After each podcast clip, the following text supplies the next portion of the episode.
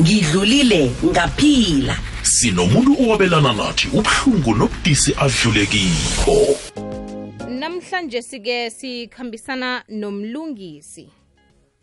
Mlungisi ovela em sifundeni sakwazulu natal empangeni esikhawini okay.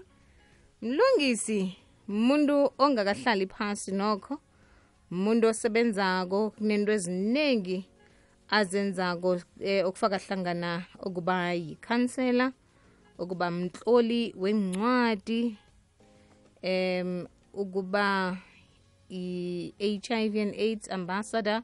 Hey singabala nje okuningi sifuna ukumazi ngokuzeleko namhlanje umlungisi ke sicoce naye ngoba vele umuntu onganakinga ngokukhuluma ngempilo wakhe ukwenzela bona kube khona othola isizo ufumana isizo lapho kube ukhona umuntu ophumako emrarweni enkingeni ezimbodileko ephasini. Umuntu ongasazi bona achinge njani phambili umlungisi uthi ngikhona mina ngikho sithi ngidlulile ngaphila sizokuzwa indaba yempilo yakhe namhlanje mlungisi siyakulotshisa siyathokoza ukuba nawe namhlanje emhathweni kwekwezi FM uvukile?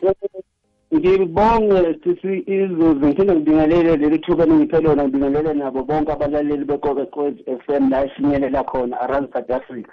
Ngibonge ngithola leli thuba. Siyathokoza mlungisi. Mlungisi ekhaya kuse-kzn empangeni yes ekhaya kusempangeni um kodwa kakhulunkulu sengihlala ngala epitoli. Ngenxa yokuthi-ke wona sokuya impilo okay mlungisi angikuzwa kuhle-ke angazibona i-network. Yenza njani? Angazi uhlezi endaweni enjani? Okay. Ngithi mina sisona sengahlala la emamelodi ngecebo likankulunkulu kodwa ekhaya ngokuzalwa kwesempangeni esikhawini unkulunkulu kodwa usengibeke ngapha epitoli. Oh usemamilodi nje. Yes. Oh wemamelodi yawu sengadliwa yipitoli kodwa ngenxa yokuthi unkulunkulu uyangisebenzisa ngesikhathi noma ngasona isikhathi ngithi akwenzeka intando yakhe. Injalo-ke ipitori. Pitori nejo nejozi. Ah. Hawu. Kunjalo sisi wami ziyamginya umuntu nanzini ndawo Mhm. mlungisi khe sithengise bese singene endabeni? Okay sisi wami ematshumi amabili nanye imzuzu ngemva kwesimbi yechumi kwekwezi fm kukhanya ba sifumana indaba yempilo namhlanje sikhambisana nomlungisi wakwazondi mlungisi usemamelodi kodwana-ke uvela e-kzn. Mlungisi um ufika njani-ke epitori? Ngezwa uthi ubekwe nguzimu lapho umsebenzi kazimu wenzani mlungisi uyephi umlungisi mlungisi ukhona mashumi amabili nambili mzuzu ngemva kwesimbi yechumi kwekwezi fm kukhanya ba mlungisi yebo sesi alright um sibuza bona emamilodi ufika njani? Siyezwa uthi ubekwe nguzimu lapho. Ubeke njani uzimu uthe wenzeni emamilodi okay sisiwami um eh, bino be honest ngifuna nje ukhuluma iqiniso. Um ngenhlanhla ngibone yonke into emhlabeni as a survivor e-g b v ngi-victim irip ngadle ngula madoda ayi-five um bangishiya nesifo lesengculaza um ejele kodwa ngaphakathi. Ngihlale e-ten years ejele bengenza idili kajele life sentence kwenzeka ama-miracles ngigcina ngihlala ten years ngihlale emigwaqeni for three years ngidemiyapo for seven years. Eh nje uNkulunkulu okay ngingaphakathi ngakhumbula la ngiwe khona ngavuka ngayijintitha eh ngenze appeal basehlisa isigqobo sami ngaphuma 2012 mangiphuma 2012 uzimo waqala umsebenzi. Mayeqala umsebenzi eh kuze kube namhlanje uyangisebenzisa ngesikhathi noma ngasona isikhathi. Up until eh, ngibe ambassador bengihlala empumalanga empumalanga ngiyisebenze yonke ngiyigijime yonke uNkulunkulu angisebenzisa ngesikhathi noma ngasona isikhathi. Up until wathi uNkulunkulu manje ngusegoli. Mangizohlala around eJohannesburg bengihlale eSoweto ePimville eh mangizohlala khona ngihlale 21 days ePark Station emabhentshini ngingazi umuntu yes. Up until uNkulunkulu wangihlanganisa nabantu abakholelwa kulento uNkulunkulu uzima iqala ngaphakathi empilweni yami. Eh up until manje ngiyasebenza ngenza iprogram yamadoda i-coach impilo program eh around the city of Tshwane. Wonke lama facilities ama-clinic sikhona singabo coach okay. Um ya iyagijima indaba le. Khe sibuyele emva kancane. Uthi wabotshwa. Kunjalo sisi ubotshwe ungangani? Okay eh mangingena ejele ngiboshwe mina ngina 16 years ngikhulele khona ngiyiproduct nje yasejele.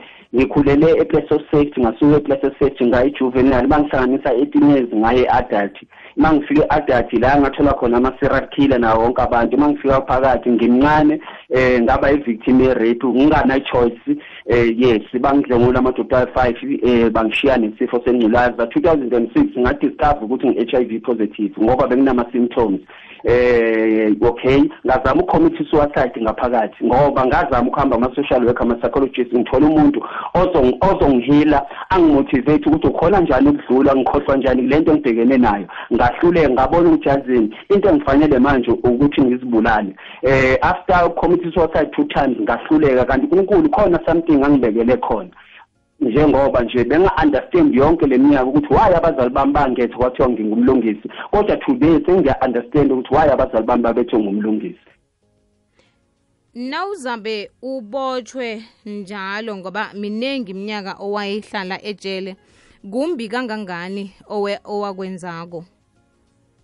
Eh thina siboshwe ngo-2004 besenza icala siboshwe su-7 arm and robbery murder besiphume eshoprite siphethe 5 million. Eh masithi siyaphuma sahlangana namaphoyisa. Eh akusabalekeki sadobula masithi siyadubula inhlangu zegebengu zaphela. Mayiphela zamaphoyisa ayipheli. Kwabiza ukuthi akusarenda ukhona uzokhona eh ukusave impilo yakho. Sasarenda sabanja saboshwa sayejele lase-westville ila ngafika khona ngaba-ke yi-victim ye-rape ngakhona ngaphakathi ejele. Bangidlungula amadoda two times eh beshintshashintshana ngami nje kodwa today konke lokho kwenzeka ukuba kwamsejele ukudlengula kwami ukuphila ne-HIV kuyisibusiso empilweni yami. Ngaba ngiyena lo muntu onguyena ukuba akaze ngiboshwe ukuze ukuba ngidlengule ukuba nginayo-HIV ngaba ngisebenzi. Since 2012 ngiphila ne-HIV since 2012 eh ngidla imali ye-HIV HIV ekhaya ngakhile six room through HIV HIV inamandla empilweni yami. Mina nama ARVs ngeke ngihlukanise ikhombo lento. Nje ngemotho sisiba ngifuna into yami ngiyabaleka okay. Alright yikwekwezi fm kukhanya by mathumi amabili nesithandathu imzuzu ngemva kwesimbi yethumi mlungisi Eh ngibawa sibuyele lapha endabeni yokadwa. Nokho sikagijima ikhulu um size nayo kuhle indaba le ukwenzela bona sizwisise olaleleko akhona ukuzwa sikhambisane kuhle ngoba wena uyayazi indaba le mina angiyazi uyangicocela. Um em uku ukuthi ungumlungisi ufike lapha kufanele ulungiswe khona um ngenxa yalokhu okwenzile ngaphandle sewuvalelweke nje. Ngoba lapho kufanele ulungiswa ngitsho kulungiswa isimilo. Kodwana uhlangabezana nento ongazange khe uyicabange uyakatwa uyindoda. Ungasitshelani ngalokho ngoba kaningi nasikhuluma ngokukatwa nasikhuluma nge-rape sicabanga umndwengubo sicabanga umntazana sicabanga umfazi? Eh engingakuveza eh baningi abantu besilisa eSouth Africa abangama victim ye rape kuukuthi abakhulumi. Ingakho sine program eyaqala uPatrick Shay ethi khuluma ndoda. La sigqugquzela khona amadoda abobaba ukuthi abakhulume ngeenkinga abasuke bebhekene nazo. Baningi since 2012 ngaphumela obala ukuthi ngingadlungula eh kodwa esengibasizile abantu besilisa ngoba ngibhilivela lento ukuthi empilweni angeke ulapho umuntu olimele ungaze ulimale. Angeke ukhona ukuqwashisa ingane yakho ngothando ungaze ushaye kothandweni. Ngeke ulapho abantu abalimele. Ngeke utshele umuntu ngenzani inzalo ongayazi. Manje ngizama ukuveza lento yokuthi baningi abantu abahlukumezekile abangama-victim rape ngaphakathi ejele ngaphakathi ngaphandle eSouth Africa.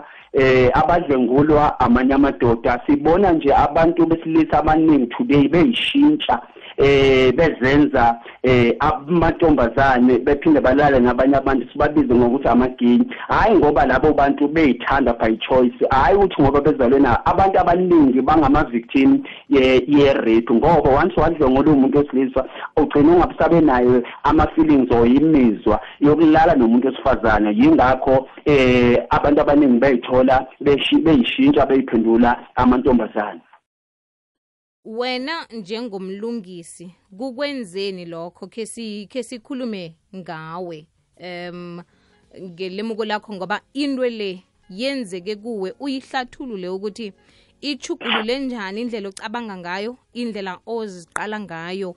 Um njengendoda kodwa ke ngibawa usiphendule nasibuya enihlokweni zendaba siza kubuya ngengoma.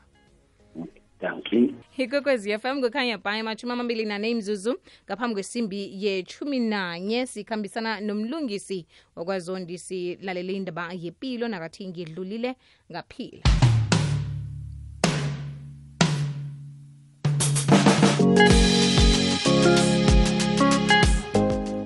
Mlungisi. Yebo sisi si salalele indaba yakho yepilo nokuthi um ubotshiwe kwenzekani kuwe?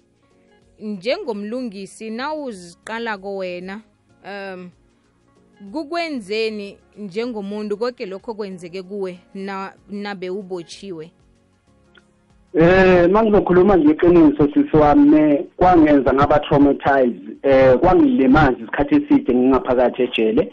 Ngangicabangi eh okay angicelelanga futhi yes kodwa ngenxa yokuthi ngangenza iphutha ngaphandle vele kumele ngiyojeza ngaphakathi. Ngangayitshela ukuthi ngizofike ngiphinde ngijeziswe ziboshwe leyo nto yangilimaza isikhathi eside eh ngoba yangilahlekisela ngesithunzi sami ezumlungisi ngalesa sikhathi yingakho ngabona ukuthi yazini ayikho manje into engifanele ngifanele ukufa kuphela. Yingakho ngazama ukuyibulala ngayidlisa ushevu eh ngasinda ngazama ukuyikhunga ngasinda. Konke lokho kwangilimaza isikhathi eside. Up until eh ngelinye ilanga uNkulunkulu waba nesandla wangisebenzisa ngoba mina akaze ngi akaze ngisizwe ama social worker wama psychologist ukuze ngihile. Eh ngayihila mina ngazimotivate mina ukuthi empilweni funda ukudlula ezintweni endala impilo ijeni ijeni indlela indlela enakuhlala kuyahanjwa. Kunabantu today eh la ngaphandle ababolile hayi ngoba bolile bagcina izinto ezibolile ezifubeni zabo. Uma isimo singanawo amandla okudlula kwena wena namandla okudlula phezulu kwesimo. Yingakho ethi according to the bible umpostoli paul ethi ngiyakhohlwa kusemumva ebese ngiyayilula ngokuphambili. Ngiyakuzwa. Ukusuka lapho ke kulapha ufumene khona ukuthi uthwayeleke eh ngengogwana i-HIV wakuthatha njani lokho? Ikwekwezi FM kukhanya bhayi lithumi nahlanu imizuzu ngaphambi kwesimbi yechumi nanye. Nokho-ke sincancebeze ngokuthi silahlekelwe ngumlungisi sisacocisana naye kamnandi emoyeni. Eh load shedding usuyazi-ke nayikhambako um ifika ngoyithatha ithatha konke okukhona ithatha ne-network siza kulinga-ke bona simfumane godu ngelinye ilanga siyifumane ngokuzeleko indaba yakhe nakathi ngidlulile ngaphila. Sirakela phambili sithi ngimnawe sikhamba ngomvumo. Ikwekwezi fm ngokhanya ba